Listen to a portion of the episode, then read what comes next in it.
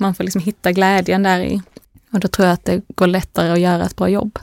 Det handlar om att ha roligt samtidigt som man presterar.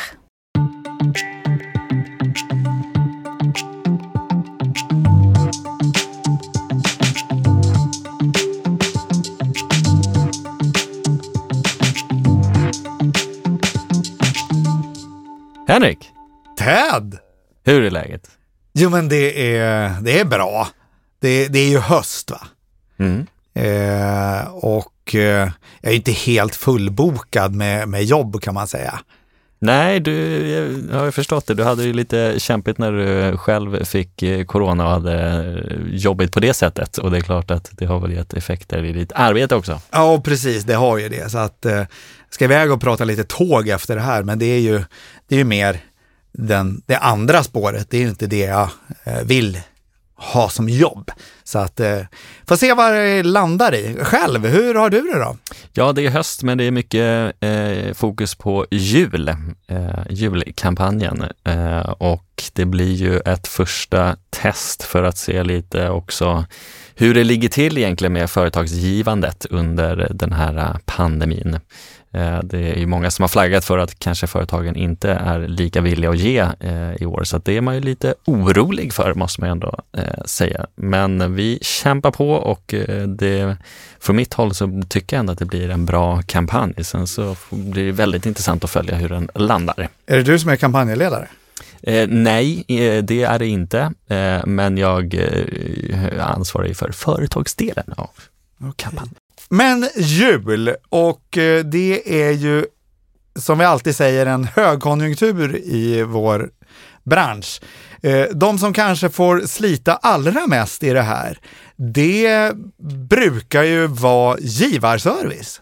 Ja, men precis. Vad är ditt förhållande till givarservice? Ja, men eh, eh, de är ju så otroligt viktiga för eh, alla våra insamlingsorganisationer. Eh, och det är ju precis som du säger, man tänker julkampanj och det som jag pratar om, eh, att vi håller på att försöka nå ut till fler företag och få dem att ge, så är det ju väldigt lätt att, jag ska inte säga glömma bort, men det, det är ju inte det fokuset man lägger på givarservice, men det är ju så otroligt viktigt. Alla som tar kontakt med organisationen Eh, har ju tagit sig tiden och är väldigt intresserade och det bemötandet man får kommer att vara väldigt avgörande för hur man ställer sig till den här organisationen. Den personen står ju för hela organisationen som man pratar med, så att det är en otroligt viktig funktion.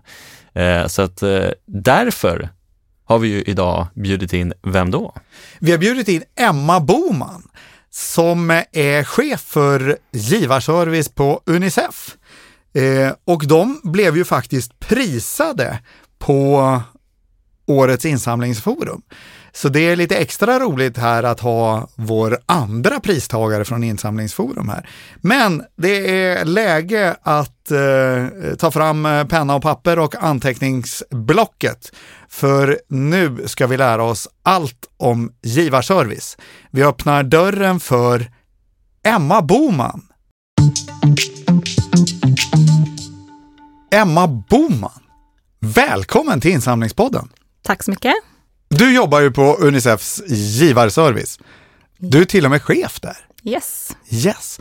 Och ni fick ju pris på Insamlingsforum. Det digitala insamlingsforum i år. Japp, det fick vi. Det var jätteroligt. Och den motiveringen, den löd så här. Eh, har med sitt dedikerade arbete bevisat att givarservice är en funktion som kan driva strategisk insamling med framgång. Deras arbete med att behålla och vidareutveckla relationen till givare genomförs med ledorden energi och glädje. Och genom sitt aktiva engagemang i kampanjer och en ständig vilja att utvecklas har de fyra kollegorna starkt bidragit till Unicefs insamlingsresultat. Teamet har genomfört aktiviteter som direkt lett till färre avslut hos givarna. Ett arbete som 2019 genererade närmare 600 000 kronor. Woop woop. Stort grattis! Ja men tack. Det var, var det en överraskning? Uh, men det är väl alltid en överraskning när man inte vet om man ska vinna. Men uh, vi gillar väl att tänka att, att vi skulle vinna. det måste väl ha den attityden. Annars så är det, ja, man får vara positiv tills motbevisat. Och vi ska säga att priset var också årets medarbetare, va? Uh, årets kollega. Kollega heter kategorin. Årets kollega, ja. Mm. I den här filmen som presenterade er som nominerad. Mm. Och i den här motiveringen som jag läste upp så låter det som ni har väldigt roligt på jobbet. Ja, men det har vi. Ehm, det har vi verkligen. Eh, det tycker jag är viktigt. Det är ju, det är ju så, man, man är mer effektiv och har, gör bättre ifrån sig när man har roligt, tycker jag. Och det tror jag att vi alla tycker. Jag tror vi har ganska lika humor också i, eh, i teamet och det hjälper ju till. Man kan skratta åt samma saker, tycka att det är roligt. Och ni är lika gamla också kan man tänka sig? Um, nej. nej, jag är lite äldre än några av de andra, uh, men inte mycket. Nej. Det är som när Ted och jag jobbar ihop, mm. fast jag är mycket äldre. Ålder är bara en siffra. Ja, tack för den. Tack. Det, var, det var väldigt snällt sagt. Men ni, eh, och jag gillar det här med att ni har roligt som mm. någon form av ledord. Liksom. Ja. Du som chef, hur, hur jobbar du för att skapa en sån atmosfär? Ja, det är kanske någon annan som borde svara på den frågan egentligen i teamet, men, eh, nej, men jag hoppas att jag eh, försöker ha en positiv attityd. Vi försöker ha eh, liksom högt i tak. Vi har roligt tillsammans, försöker hitta saker att, att ha roligt kring. Um, I perioder är det ju väldigt mycket att göra hos oss och då är det viktigt att man, man samtidigt kan behålla det här, liksom det skojiga och det roliga och det öppna i våra relationer. Um, vi försöker, nu är det ju svårare när man sitter hemma. När vi var på kontoret tillsammans gick vi nästan alltid åt lunch tillsammans varje dag. Eh, går på lunchpromenader och försöker göra andra saker tillsammans också, som inte bara är arbete. Det är lite svårare när man sitter hemma. Eh, ja, hur har ni försökt behålla glädjen nu på, på distans? Men det handlar också om att försöka bara dela andra saker som inte bara är jobb, eh, försöka dela som liksom berättar vad man har gjort i helgen och bara ha den här andra relationen som man ändå har till varandra och liksom vara i kontakt med varandra hela tiden. Vi skriver ju till varandra konstant och ses på möten ofta och försöker ha lite mer väldigt informella möten med varandra där vi kan prata om hur vi mår och hur det går och sådär. Hur många samtal får ni in på en dag? Det är en jättebra fråga och det beror lite på vilken tid på året eh, du pratar om. Det är ja. ganska stor skillnad på eh, jul och juli till exempel. eh, jag har inga direkta siffror i huvudet, men eh, vid jul så kan du ringa konstant eh, mellan 9 till 16. Liksom. Då är det... På fyra telefoner? Nej, två okay. brukar vi köra då. Ja. Men ni är bara ändå fyra personer på mm. Users. Det tycker jag ändå är imponerande. Och ni tar alla samtal. Ni har inget hjälp ifrån något callcenter eller? Nej, vi tar alla samtal, vi tar alla mejl, det är vi som kommenterar på sociala medier, det är vi som har hand om vårt forum. Ehm, det är vi som gör utskick till givare och svarar på utskick som kommer tillbaka eller brev. Ehm, och sen gör vi ganska mycket administrativt arbete också eh, kring gåvor och gåvoadministration. Så vi gör väldigt mycket eh, på en väldigt eh, få personer. Verkligen. I, vid jul sa du att det är en topp. Jag kan tänka mig att ni har en topp eh, efter eh, TV-galan. Eh, Absolut. Den här, vår bransch, en av vår bransch mest kända TV-galor. Mm. Har hållit på väldigt länge. Man kan höra om den i ett tidigare avsnitt där vi intervjuar Tina Jogensjö. Finns där poddar finns som vi brukar säga. Mm. Men min fråga var, vid de här topparna, tar ni in fler personer då? Ja, det gör vi. Då brukar vi ha extra personal som hjälper oss med um, eh, antingen registrering av eh, nya eh, världsföräldrar då, som kommer in efter galan eller som hjälper oss att ta eh, emot telefonsamtal vid jul. Eh, för då är det många som ringer för att de vill ha hjälp och köpa i gåvoshoppen. Så då brukar vi ha lite hjälp med det. Eh, lite andra uppgifter, för det blir så mycket på alla håll. När det är mycket för oss tenderar det att bli mycket på telefon, mycket på mail. Men gåvorna blir också fler, så det är fler gåvor som ska registreras, det är fler brev som ska skickas, det är fler, ja, det är mer av allting helt enkelt. Um, så då, då brukar vi ta in några extra. Och hur mycket utbildning behöver man när man kommer in som ny på givarservice? Mm, det beror lite på vad man ska göra. Ska man jobba extra eh, så har vi ju fördel att ha eh, telemarketing in-house, så då får vi oftast personal därifrån som kan Unicef, de kan systemen, de har koll på det mesta, så de behöver bara lära sig det specifika de ska göra under de veckorna. Um, är man däremot ny som en heltidsanställd i teamet så tar det ändå ett par månader skulle jag säga innan man känner att man har full koll på allting. Det är många olika system och processer och bara att kunna svara på frågor känner jag tar ju en lång tid att känna sig bekväm med.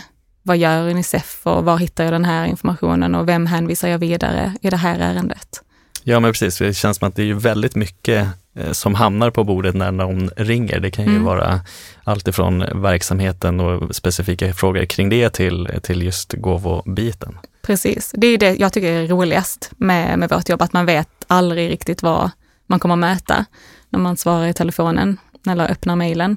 Man lär sig så himla mycket från de här frågorna vi får från givare och allmänhet som vill veta om vårt arbete.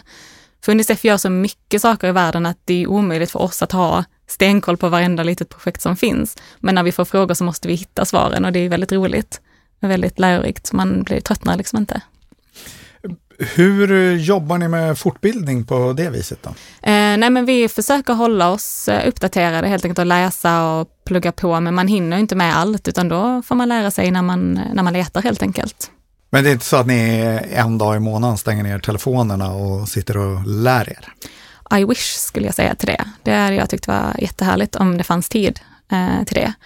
Um, det är ju viktigt att vi har koll på vad som händer och det skulle vara jättehärligt att ha mer tid till att eh, läsa på.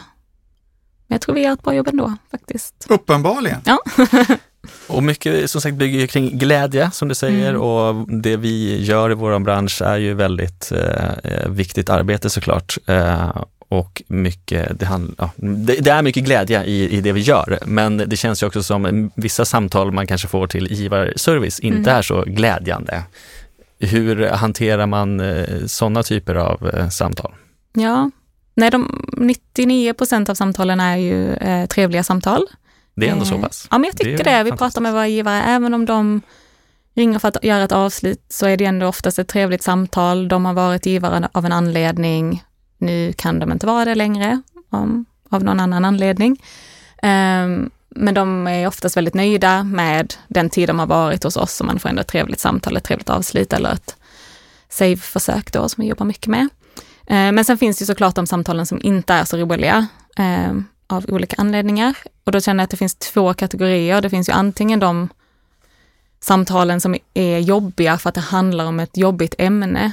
Det är när folk ringer för att de vill prata om ett specifikt barn som mår dåligt eller en situation som de tycker är ohållbar, där vi inte kan erbjuda så mycket hjälp. Det är inte den funktionen vi har.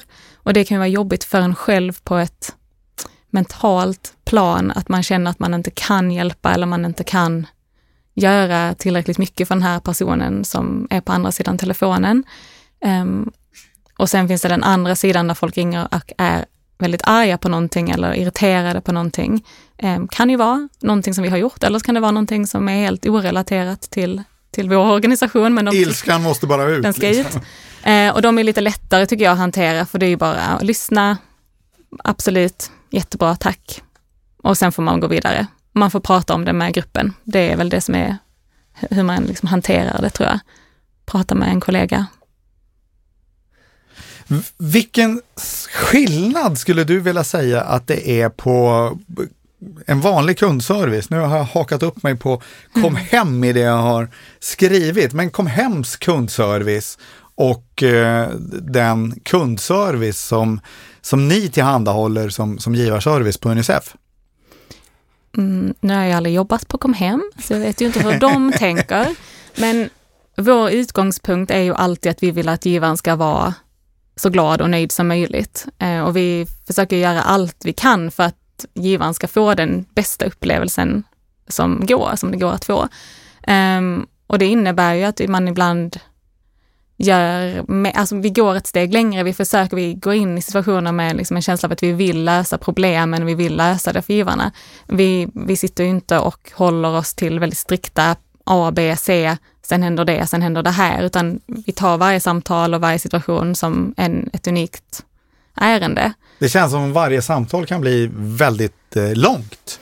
De är inte så jättelånga faktiskt. De flesta mm, samtalen är ett litet ärende och sen när de har fått hjälp så finns det inte så mycket mer de vill ha hjälp med. Men det kan, kan absolut bli långa samtal ibland. Mm. Jag tänker, det låter ju ändå som ni liksom vill ha en väldigt personlig service när ni inte har liksom fasta scheman och sådär.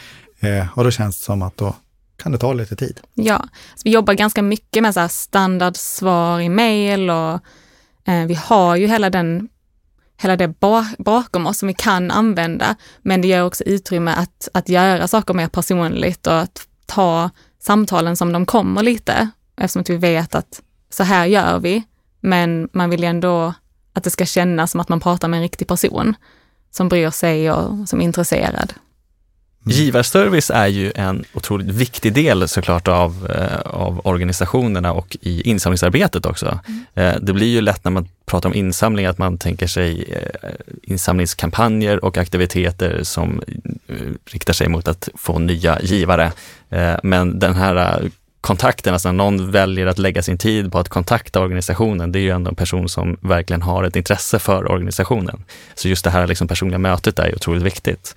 Eh, men det jag kan känna ibland är också så här, hur, hur mäter man givarservice och deras arbete i kronor och ören? Och då blev man ju väldigt imponerad när man såg eh, er eh, motivering och hur ni själva pratar kring det, så, så verkar ni ändå jobba ut efter egna insamlings-KPI-er. Kan du berätta lite om, om det arbetet? Jag tänkte utifrån de här 600 000 kronorna mm. som är motiveringen. Jo, vi började, för ett par år sedan så började vi fundera kring det här med att vi vill försöka behålla våra givare eh, och få dem att stanna kvar hos oss när de vill avsluta. Eh, då handlar det om att erbjuda ett annat alternativ när de väljer att avsluta, som många kanske inte vet finns. Um, Hur kan det alternativet se ut då? Det kan se ut som att du kanske väljer att skänka en lägre summa varje månad istället. Eller du kanske gör ett uppehåll på en tidsbestämd period tills du känner att du har möjlighet att vara med igen. Och då måste vi bara följdfråga på det. Mm. Alltså kan ni i telefon då säga, om vi gör ett uppehåll på tre månader och så startar ni igång det automatiskt igen? Eller måste de ringa upp och säga, hej, nu kör jag? Nej, utan det gör vi. Det gör ni? Ja, så ja. att det är så enkelt som möjligt för givaren. Och eh, då började vi ju som smått testa det här i vår grupp, eh, på eget bevåg och testade lite olika saker. Ehm, sen har vi gjort ett par eh, stora test på vad som fungerar bäst och vad som fungerar lite sämre och vad, vad våra givare responderar på. Och då har vi också börjat mäta i, eh, om alla de här personerna skulle avslutat, vilka, liksom vad skulle vi ha förlorat då, vad har vi fått in istället? Så därför kommer de här, den här summan upp. Att vi har liksom lyckats behålla givare till den eh, summan. Men det är fantastiskt. Det måste ju vara väldigt liksom, kul för er också mm. att kunna eh, sätta ändå en peng på, på det arbetet ni, ni gör och lägger ner. Men du säger att det var på eget bevåg. Hur, hur, se, hur ser det ut? Har ni liksom egna eh, spånmöten kring hur ni ska ut, utveckla verksamheten och så vidare? Eller hur? Ja, men absolut. Och det gör vi såklart i, i samråd med andra i organisationen. Men vi har ändå fått ha stort ägandeskap över den här eh, uppgiften eftersom att det är vi som, som gör den och vet vad som känns bra och vad som funkar. Men då har vi, vi har försökt göra det så strategiskt som möjligt. Vi hade testperioder under hela eh, 2019 där vi testade olika saker och mätte väldigt noga hur många försök gjorde vi, hur många positiva svar fick vi på mail, hur många positiva svar fick vi på telefon. Um, vad fungerade bäst? Vi jobbade mycket med reflektion inom teamet. Vad kändes bra? Hur upplevde jag samtalet? Och sen därifrån har vi liksom byggt vidare på hur vi vill jobba. Så då försöker vi prata om det, prata en gång i månaden om, om eh, månaden som gått eh, och titta på resultat. Och sen eh, finns det någonting vi vill ändra på fram till nästa månad? Hur ska vi jobba vidare? Behöver vi liksom tänka annorlunda nu eller ska vi fortsätta på samma spår? Och skulle du kunna dela med dig av hur ett sådant test skulle kunna se ut rent? Mm. Vad, vad har ni testat? Vi hade ett test där vi alltid um, halverade summan som de gav idag och erbjöd att stanna kvar på den, till exempel. Så då ger du 200 så frågade vi efter 100, till exempel. Det var ett test som vi gjorde. Och är det något test som ni gjort som funkade ovanligt bra och som du kan dela med dig Jag vet inte om jag vill dela med mig av det. Eh, nej, men det kan vi göra. Vi, eh, det som vi tycker har funkat bäst är att erbjuda givaren att stanna kvar på en lägre summa eh, som känns kanske för dem ganska liten, men som ändå gör att de inte avslutar. Då finns det också en chans för oss att uppgradera längre fram, tänker vi. Emma, eh, vi har ju en till eh, stol bredvid oss här och nu ser jag att eh, Josefina är på väg in så att vi släpper in Josefina Benasos från Giva Sverige som är vår ständiga gäst. Josefina Benasos, välkommen tillbaka till Insamlingspodden. Kul att vara här idag igen. Du är väldigt fin och piffig idag. Nej men tack! Ja. Tack detsamma. Fint, vad roligt. Tack så mycket. Du kommer ju till oss i podden eh, varje gång och berättar lite av de eh, siffror som du i ditt arbete på Giva Sverige får fram. Vi har kört lite corona. Vad har du med dig idag? Ja, eh, vi insåg ju, eh, vi tar ju fram kunskapsunderlag av olika slag för våra medlemmar och en av de mest lästa rapporterna är ju våran insamlingsstatistik. Att hur ser det ut med gåvogivandet i Sverige som vi tar fram en gång om året baserat på faktiska siffror från medlemmarna. Så det är inte siffror som, eh, om hur allmänheten säger att de gör, utan hur faktiskt eh, insamlingen av gåvor ser ut enligt organisationerna. Jag älskar rapporten. Härligt! Jag tänkte precis säga det, anledningen till att ni har många läsningar det är för att jag sitter och plöjer den. Ted och jag går in. Så vi borde börja kolla på unika. Kan nog. Två. Kanske gör er besvikna. ja, men vi insåg i alla fall att eh, corona kom emellan. Vi har ju inte varit här och berättat om hur det gick 2019 och vad det hände för spännande saker med utvecklingen då, eller hur? Nej, det Nej! Åh, vad roligt att vi får vara här idag och berätta om det då. Eh, om man tänker så här, eh, för att ge en kort bild av hur ser insamlingen av gåvor ut i Sverige då? Hela kakan är ungefär 9-9,1 miljarder kronor samlas det in till Giva Sveriges medlemmar. Och det kan man säga ger en ganska god bild av hur mycket som samlas in till ideella organisationer, även fast det inte täcker in allt. Men det ger en god bild i alla fall. Och 9,1 miljarder total insamling av gåvor. Det kan man sätta i förhållande till till exempel att vi spenderar 260 miljarder om året i Sverige på mat och dryck. Ja, ni hänger med? Vi hänger med. Får, Glassindex. Ja, men precis. Eh, skulle vi sätta det i relation till sötsaker istället. Eh, så där får man liksom eh, någonting att jämföra det med och eh, det täcker ju in givande både från företag, privatpersoner, stiftelser, organisationer och Postkodlotteriet till exempel.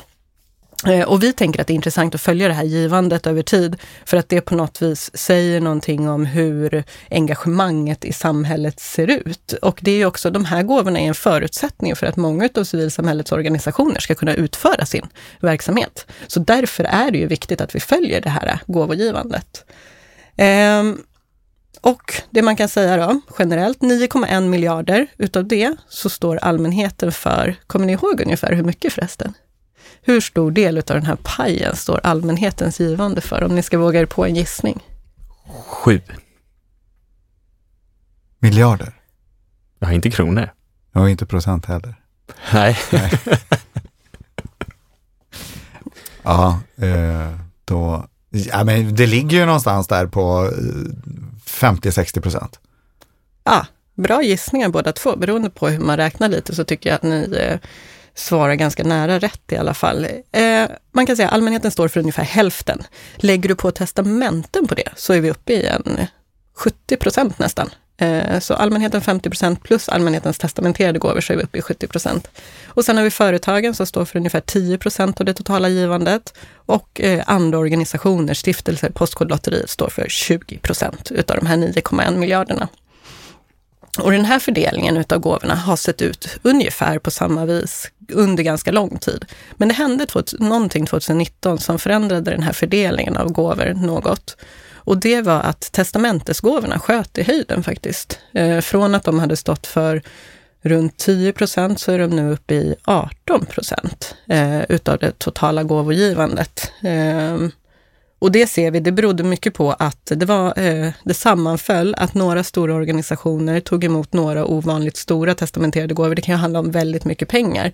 Men det är många organisationer som tar del av hela den här testamentesdelen utav pajen. Jag tror att det var 2019 var det 75 av Givas 160 medlemsorganisationer som hade tagit emot testamenterade gåvor. Så det är ändå många organisationer som får ta del av det. Där måste jag bara skjuta in en fråga på en gång. De här 75 organisationerna organisationerna som eh, tar emot testament, testamenten, eh, har de alla personer som jobbar aktivt med det eller blir det så att eh, helt plötsligt fick man ett testamente och då blir det någon som får ta hand om det? Vet du, har du koll på det? Ja, men det man kan se är ju det är 75 organisationer som har tagit emot testamenterade gåvor, men medparten utav de här eh, 1,6 miljarder kronorna som skänktes via testamenten togs emot av några få större organisationer, några få större forskningsorganisationer. Och sen har vi många organisationer som kanske tar emot mindre belopp eller som tar emot testamenten men kanske lite mer sällan. Och jag tror lite beroende på hur det har sett ut historiskt och hur mycket man satsar på det så har man bemannat därefter. Så det finns ju säkert också mindre organisationer som har dedikerad personal för, men det är ju framförallt de stora som har resurser nog att ha det. Eh, och det, men om man tittar eh, historiskt som du var inne på, är det, är det här ovanligt höga siffror just i år eller eh, är det så att det fluktuerar mellan åren? Eh, vi kan se över en sexårsperiod så har intäkterna från testamentesgåvor ökat med 80 procent. Så det har ju liksom skett en stabil positiv utveckling. Och sen hände det någonting speciellt under 2019. Då tog det ett ordentligt kliv uppåt. Eh, men det vi kan säga om testamenterade gåvor är att det finns ju en stor potential där. Vi ser att det har ökat då, som jag sa, 80 procent på en sexårsperiod.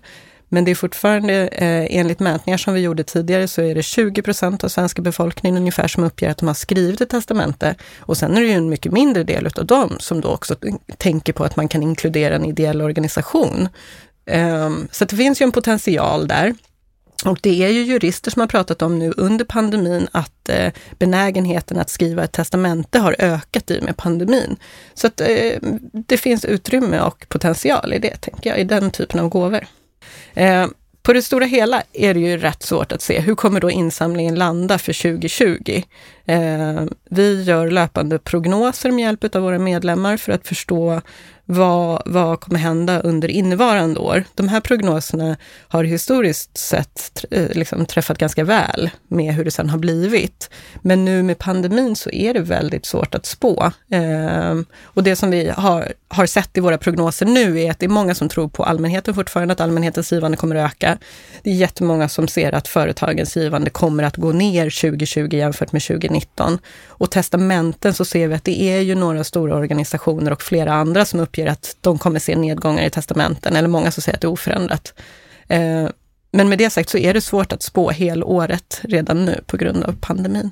Så det blir superspännande att följa utvecklingen 2020. Verkligen. Du är välkommen åter. Och berätta om det. Sen kom jag bara på en sak eh, när du pratar så mycket här om testamenten, att vi har ju gjort kanske den podd som berörde dig och mig, Ted, mest personligen. Eh, just om testamenten med Rebecca Vinell på Barncancerfonden. Eh, så vill man lyssna på den, vill man lära sig mer om testamenten rekommenderar vi att leta där du lyssnar på poddar efter podden som handlar om testamenten. Josefina, tack så mycket för idag och hjärtligt välkommen tillbaka till nästa podd. Tack för idag hörni. Vi tackar Josefina. Det är alltid lika intressant att ha henne här. Men nu går vi tillbaka till dagens ämne och givarservice. Jag tänker i den här eh, motiveringsfilmen så pratade ni själva också om att ni jobbade agilt, omvärldsstyrt och att ni testade olika erbjudanden. Vi var inne här på att testa olika erbjudanden, men mm. agilt och omvärldsstyrt, vad, hur, vad menar ni med det? Allt som händer i världen kommer ju tillbaka till oss. Eh, allt som Unicef skickar ut eh, om någon vill kommentera på det eller säga någonting handlar ju hos oss. Så vi måste ju alltid vara med på vad som händer. Eh, händer det någonting på nyheterna som, som har med Unicef att göra eller med barn att göra, då kommer vi få frågor om det. Så det handlar mycket om att visst vi har våra rutiner, vi ska göra de här uppgifterna varje dag, men sen händer det någonting och då måste vi tänka om. Och det händer ju hela tiden. Så vi, vi arbetar väldigt agilt skulle jag säga, utan vi, vi ser vad som ligger framför oss varje dag och planerar dagen därefter. Ibland innebär det ju att man bara hinner göra en sak till exempel, man bara hinner svara i telefon. Um, och sen försöker vi såklart vara, som sagt vi är med i planering uh, inför kampanjer, vi försöker förekomma så mycket som möjligt, veta vad som kommer, så vi är förberedda, vi har svar på frågor, vi kan lägga ut i vårt forum, saker som vi vet att folk kommer fråga om. Um, så att vi hjälper folk att själva hitta den information de behöver. Um, men det gäller ju att ha koll på vad som ska hända. Och hur involverade är givarservice i insamlingsarbetet, alltså kampanjer och så? Är det bara för så att säga, information eller är ni delaktiga också? I det? det beror lite på. Vi är med. Vi får oftast frågan om eh, vad tror vi om det här? Kommer givarna, hur kommer givarna reagera på det? Eller tror vi att vi kommer få frågor på det här? Och, och så. Och sen så får vi ge input vad vi tycker. Och du nämnde ett forum, är det något eh, internt forum ni har? Nej, förlåt, det är vårt eh, fråge, vår frågor och svar på hemsidan som är ett eh, mm. frågeforum där du kan ställa frågor eh, till oss eh, och svara. Så svarar vi eller så finns det frågor upp, eh, uppe där redan som är så vanliga frågor och svar. Som en chatt eller? Det är inte en chatt, utan du får skicka in en fråga och sen får du ett svar i forumet.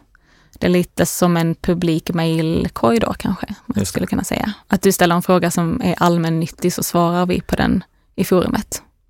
Istället för till dig privat, om du har kontaktat oss den vägen alltså.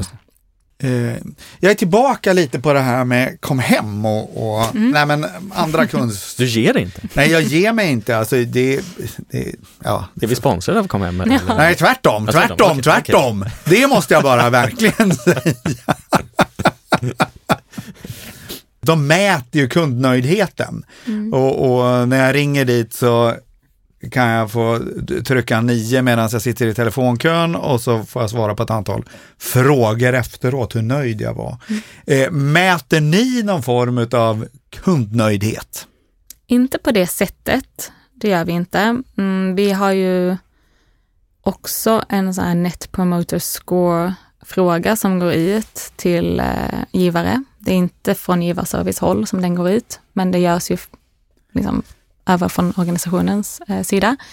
Eh, men vi mäts ju i eh, Mystery Donor som görs internationellt där vi mäts mot andra organisationer på specifika punkter. Så där får vi höra vad, det är ju inte riktiga givare höll jag på att säga, utan det är ju specifikt i så här mystery shoppers som hör ju av sig med specifika frågor. Då vill de att vi ska göra vissa saker för att komma upp i vissa poäng. Men vi mäter inte så som, som man gör på eh, kommersiella bolag i, i dagsläget. Faktiskt. Kom hem med ett kommersiellt bolag. Precis, kom hem till exempel. men de där mystery, känner ni av att nu, ja, men nu är det någon som är en sån här? Man kan misstänka ja, ibland. Jag förstod. Um, väldigt, väldigt specifika frågor och många följdfrågor på ett sätt som kanske inte man får annars. Men det är inte alltid man vet. Så då vet man att nu, nu måste jag leverera. man spetsar svaret där. Ligger ni bra till där? Ja, det gör vi. Vi har precis fått vårt nya resultat som jag tyvärr inte har hunnit gå igenom än, men det ser väldigt bra ut. Väldigt det, nöjd. Men eh, det resultatet, vad, vad gör du med det eh, sen? Blir det eh, Eh, och, och, så mhm. firar vi att det här var ju bra, eller är det så att ni sen kommer att titta på det där och, och ta det vidare och här måste vi ändå skärpa till oss? Absolut, det som vi gör mindre bra vill mm. vi såklart jobba på så att vi får ett ännu bättre resultat nästa gång. Har du något exempel där ni har ändrat er utifrån? Om man går tillbaks några år, då brukade vi ju inte ställa frågan, vill du stanna kvar? Eh, när någon ville avsluta och det var ju en sak som de mätte på som vi fick eh, sämre resultat på för att vi vi, vi gjorde inte det helt enkelt. Och nu gör vi det och då har våra resultat gått upp. Um, och sen handlar det också om att till exempel få svar väldigt snabbt. Vi är duktiga, vi svarar väldigt snabbt på mail för att vi vet att det är någonting som eh, um, givare och mystery donors uppskattar, att man inte behöver vänta flera dagar. Vad är väldigt snabbt? Vi vill ju gärna svara på um, ett mejl inom 24 timmar ja. uh, en, under arbetsveckan då. Är det samma tidsspann som gäller på sociala medier? Nej, då måste man ju vara snabbare. Då är det snabbare? Ja. Mm. Och vad är det för eh, riktlinjer ni har där? Det måste ju besvaras, det finns, jag vet inte om vi har några exakta riktlinjer, men det ska ju besvaras snabbt. En kommentar ska ju få en, komment få en motkommentar snabbt till exempel, medan vissa meddelanden kan ju behöva ta lite längre tid. Men vi modererar ju eh, under dagen. Och vi, sen har vi folk som modererar på kväll och helger också. Eh, Men inte två på natten? Nej, jag tror inte man kommer få ett svar klockan två på natten om det inte är någon som är väldigt eh, nitisk. De här svaren, eh, hade du fler i din uppräkning som jag ställde frågan på tidigare? Saker Ja. som vi har förbättrat. Ja, precis. Eh, Jag vet också att det var en fråga om just testamente.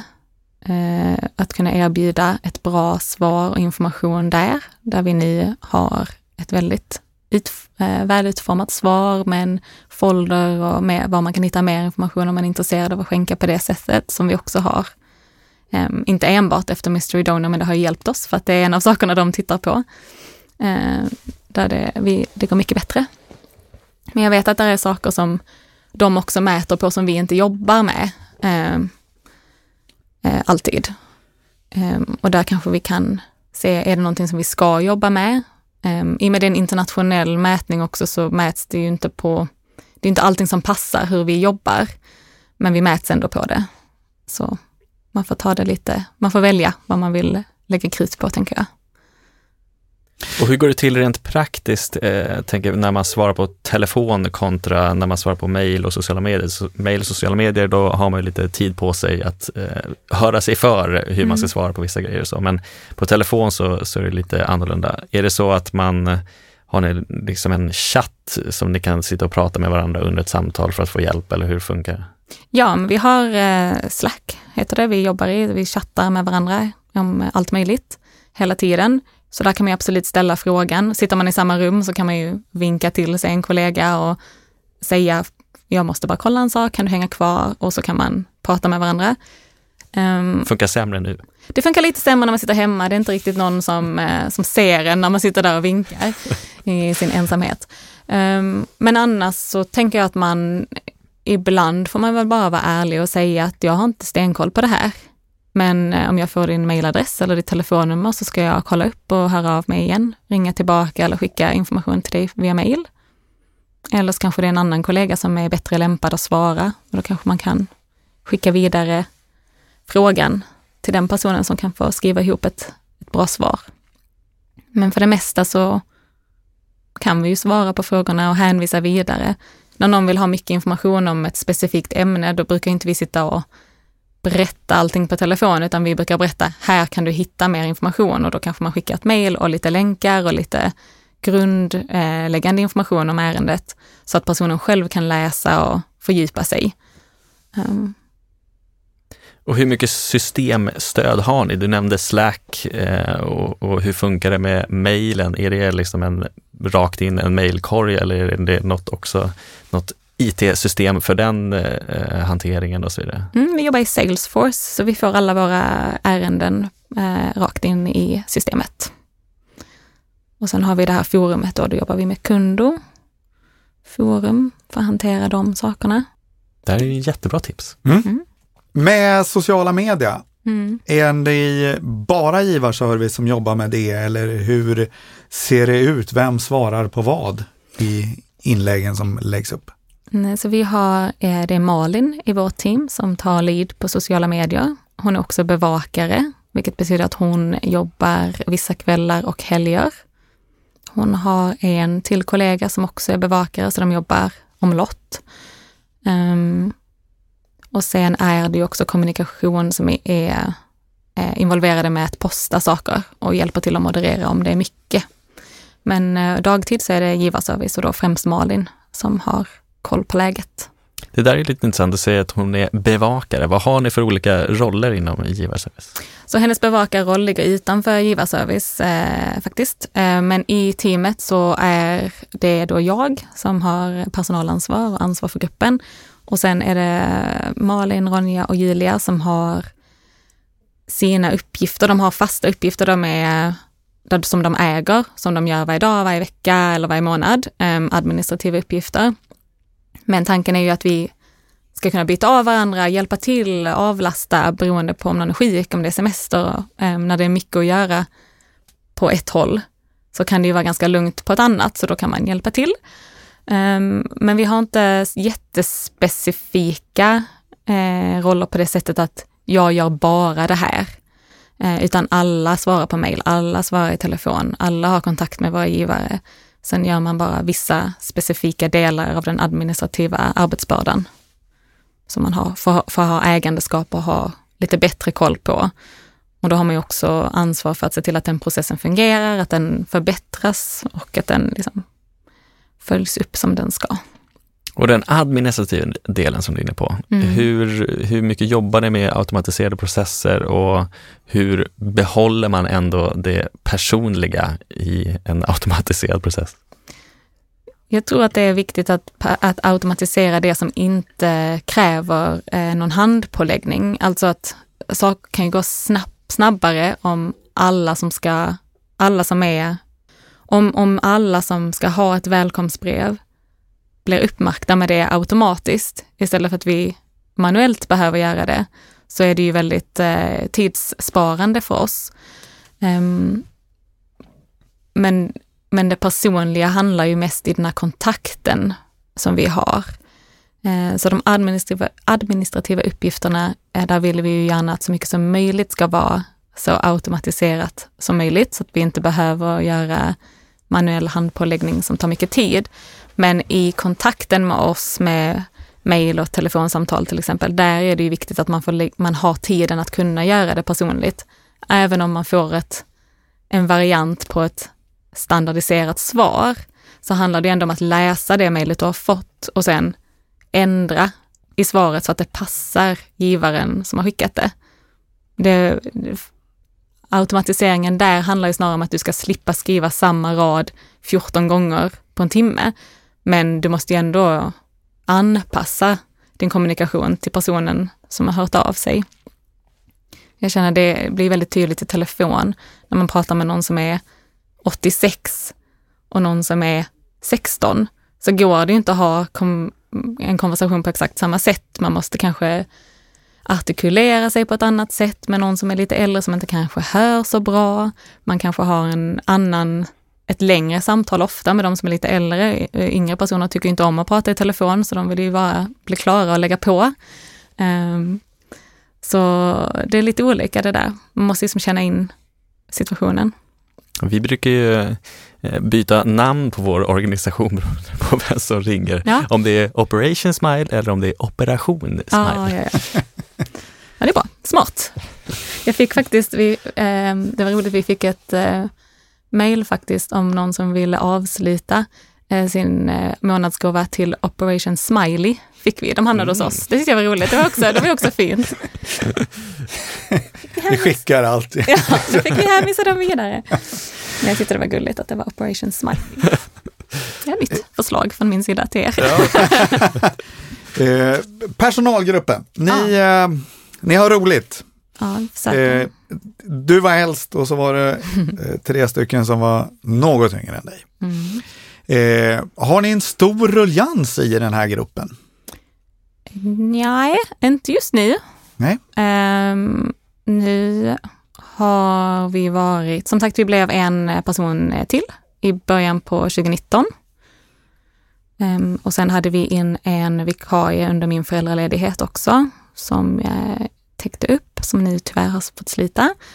Men annars har vi varit samma team ett bra tag nu faktiskt. Roligt. Min känsla är lite grann vad gäller givarservice, att man kommer in där mm. eh, för att man brinner för eh, saken och brinner för någonting i, som finns i vår bransch. Mm. Eh, och att man eh, egentligen vill ha ett annat jobb, men att man eh, jag börjar här och så ser jag var det landar. Mm. Eh, är det din känsla att det är så att man egentligen vill vara projektledare eller någonting annat? Jag vet faktiskt inte, jag kan hålla med om att jag kan tänka mig att det är så på ett sätt, men samtidigt så tror jag att när man väl hamnar hos oss och de som har stannat kvar och som det går bra för har inte den inställningen, utan man vill ge bra service till våra givare. Man förstår värdet i det. Man förstår att det jobbet man gör är väldigt viktigt för organisationen. Ehm, jag tror att det är det som gör att vi är väldigt framgångsrika. Vi har stor respekt för våra givare, deras vilja eh, och har förståelse för att hur vi arbetar ehm, påverkar hur, ehm, hur bra det går för organisationen också.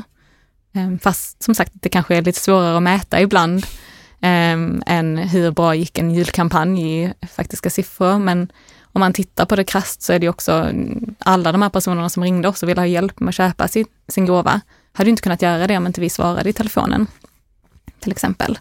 Men jag tror att, ehm, för att återgå till din fråga, så tror jag att det är klart att det finns en vilja hos alla att kanske komma vidare någon gång i sin karriär och göra andra saker, men jag tror att eh, det inte ses i vårt team i alla fall som ett, bara ett steg Nej. som man ska gå igenom. Men har du något exempel på där man har gjort karriär inom Unicef eh, och, och, börjat på givarservice till exempel? Men jag vet ju att min, eh, att kollegor som jobbat där innan mig har jobbat på givarservice eh, innan jag började där och sen har gått vidare till andra roller inom organisationen. Så det vet jag. Mm. Och jag känner att jag har ju också tagit en, gjort en resa själv. Liksom. Jag började som vikarie och nu är jag chef. Eh, och det har ju gett mig helt nya möjligheter att göra en, en helt andra typer av arbetsuppgifter och ha annat ansvar. Det är väldigt roligt att få växa i den organisationen man jobbar på istället för att behöva söka sig någon annanstans för att gå vidare så att säga. Det är väldigt kul. Mm. Vad är skillnaden i din roll eh, internt på Unicef? Jag förstår det är en skillnad gentemot dina kollegor på, mm. på givarservice, men eh, hur, hur har din roll förändrats på Unicef då, i och med att du har gjort den här karriären? Mm. Men det ingår ju mer i min roll nu såklart att ha ett personalansvar, se till att mina medarbetare mår bra, att de har förutsättningar att kunna göra sitt jobb. Ehm, det innebär också att jag har ett större ansvar för att se till att vi gör det vi ska. Ehm, att vi når de mål som vi har satt och att vi är representerade på olika ställen i huset så att vi får den information vi behöver och att vår röst är hörd.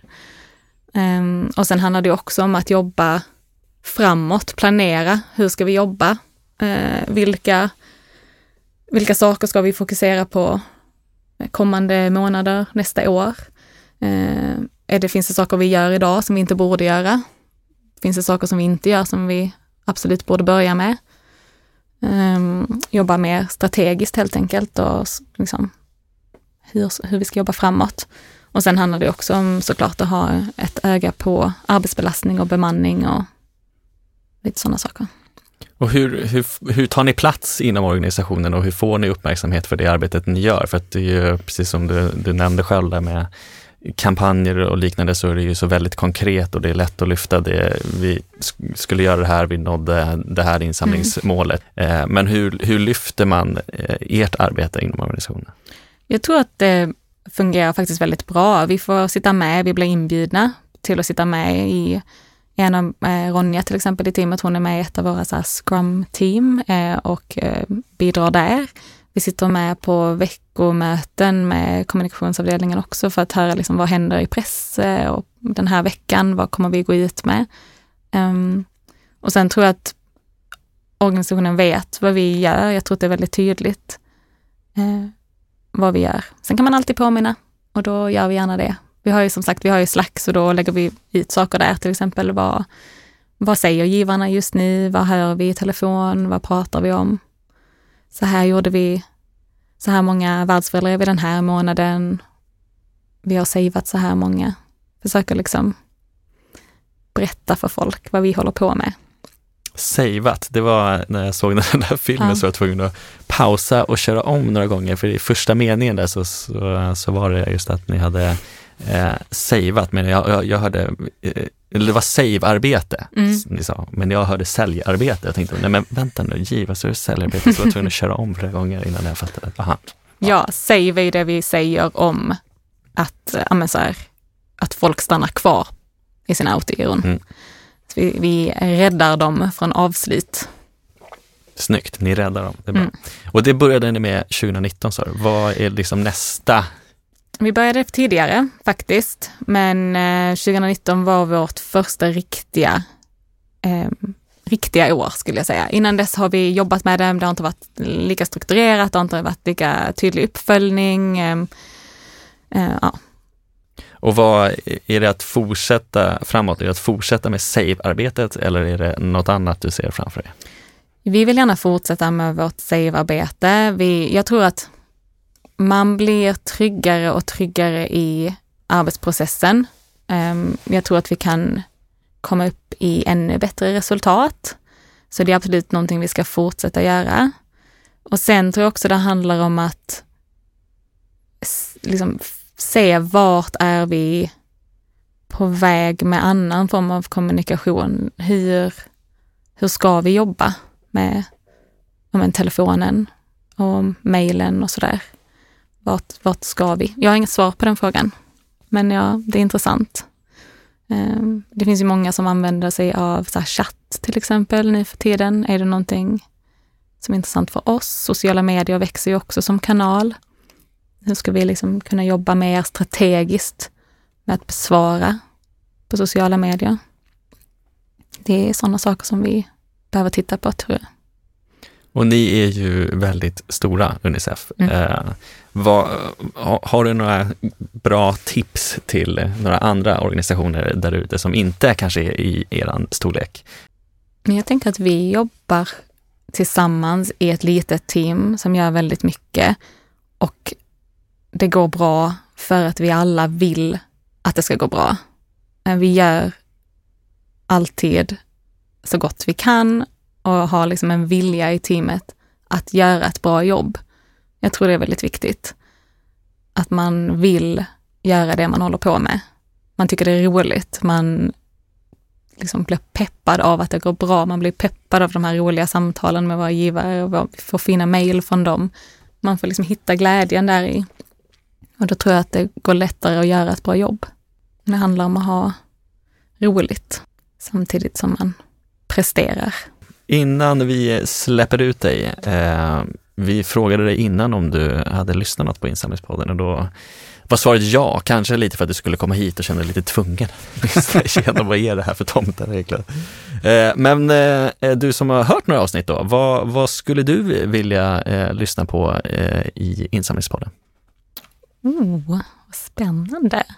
Får man önska avsnitt? Ja, Eh, vad kul. Det var intressant att höra, om det inte redan har gjorts, någon som jobbar till exempel i, alltså en ringare på typ telemarketing eller en varvare som är på stan, någon som har de här faktiska mötena med allmänheten och försöker eh, sälja in någonting. Antingen, och speciellt nu med de här omständigheterna att det ändå är ett väldigt annorlunda läge och försöka speciellt närma sig folk, tänker jag på riktigt, i den riktiga världen och sälja in någonting. Det skulle jag tycka var intressant. För att jag tänker att den strategiska biten, hur man jobbar med det, det är ju intressant, men jag tänker just det här i mötet med. Det är ett jättebra tips. riktigt bra tips. En värvare, det måste vi kolla vidare på. Just med det här, den coronavåren vi har upplevt och, och eh, fortfarande pandemin som vi lever i. Emma Boman, du har eh, klarat av en spännande intervju i insamlingspodden. Ja, jag Det- hoppas det. Det har varit jättekul att ha dig här. Ja, men tack, det var jätteroligt. Ted, där eh, gick Emma ut genom dörren. Det var kul att ha henne här. Verkligen. Det är ju som sagt, vi har ju haft eh, eh, tre gäster sedan innan den här säsongen eh, och då har det ju varit mycket måla det stora penseldraget med eh, eh, generalsekreterare och ordföranden. Eh, så att det var kul att få eh, grotta ner oss lite mer i ett ämne inom insamling och ett ämne som eh, man kanske inte eh, tänker på i första hand eh, när det kommer till insamlingsarbetet, men som är så otroligt viktigt. Ja, men, hon, och hon pratade väldigt fint om, om eh, sitt arbete och sitt team och hur man jobbade. Sen tycker jag det var väldigt intressant att en så pass stor organisation som Unicef eh, gör allting inhouse. Eh, dels att man inte bollar iväg några samtal till givarservice till ett callcenter och dels att man, eh, som hon lite i förbifarten sa, att man har eh, även telemarketing in, inhouse. Eh, spännande. Mm. Eh, du var lite nyfiken på eh, att ha blocket framme. Eh, vad fick du ner på det? Nej, men jag tycker ändå att det är intressant med hur de ändå försöker också konkretisera sitt arbete eh, så att det blir lättare att kommunicera för dem själva och motivera sig och också internt inom organisationen. Jag tycker det är jättespännande med det eh, hon pratade om, det här med deras SAVE-arbete eh, och att de då konkret kan säga att ja, men vi har räddat, som hon också uttryckte det, 695 världsföräldrar och att de tack vare det har samlat in 600 000 kronor. Och då blir det ju mycket mer konkret för dem, som sagt, för att motivera sig, men också eh, internt för att sälja in vad är det vi gör och varför. Eh, annars är ju givarservice på det sättet inte lika enkelt och tacksamt att mäta som eh, övriga insamlingsarbetet. Nej, men det lyckades de med. Det var Mm. roligt. Vad antecknade du då? Ja, men det var eh, Slack. Slack. Eh, Slack, eh, deras eh, interna chatt. Mm. Eh, den följdes med. Eh, Mystery Shopper, eh, som hon eh, pratade om, som eh, ringer och, och testar dem. Eh, bra grejer eh, att ta med sig och eh, jag kan tänka mig att några andra organisationer som inte jobbar där fick med sig några tips härifrån insamlingspodden. Mm. Mm. Mycket glädje. Mycket glädje och ha roligt. Det Det är något jag gillar. Det är därför ha- vi gör den här podden. Ja, man ska ha roligt på jobbet. Mm. Men med det är vi färdiga för idag. Du, förra veckan la du upp en film. Har du någon film nu? Nej, det har jag inte, men man får väldigt gärna gå in på insamlingspodden.se ändå. Eller följ oss på Instagram, Jajamän, där vi heter Insamlingspodden kort och gott. kort och gott. Eh, vad finns det mer? Man kan mejla om man vill. Det kan man göra. Info att insamlingspodden.se. Jag är inte jätteaktiv och svarar på den. Det ber jag om ursäkt Vi är för, inte Men... 24 timmar som, Nej, det är det inte. som Emma var. Nej. Men eh, kontakta oss gärna, kom med tips eh, på sånt som ni vill lyssna på i podden. Nu har vi gått på lite lyssnartipp och vi fick ett fantastiskt bra tips med någon som går ute på stan med coronaavstånd och värvar. Eh, den personen måste vi söka upp. Det gör vi. Så jag slänger mig på telefonen och så tackar vi för idag. Tills dess. Hej!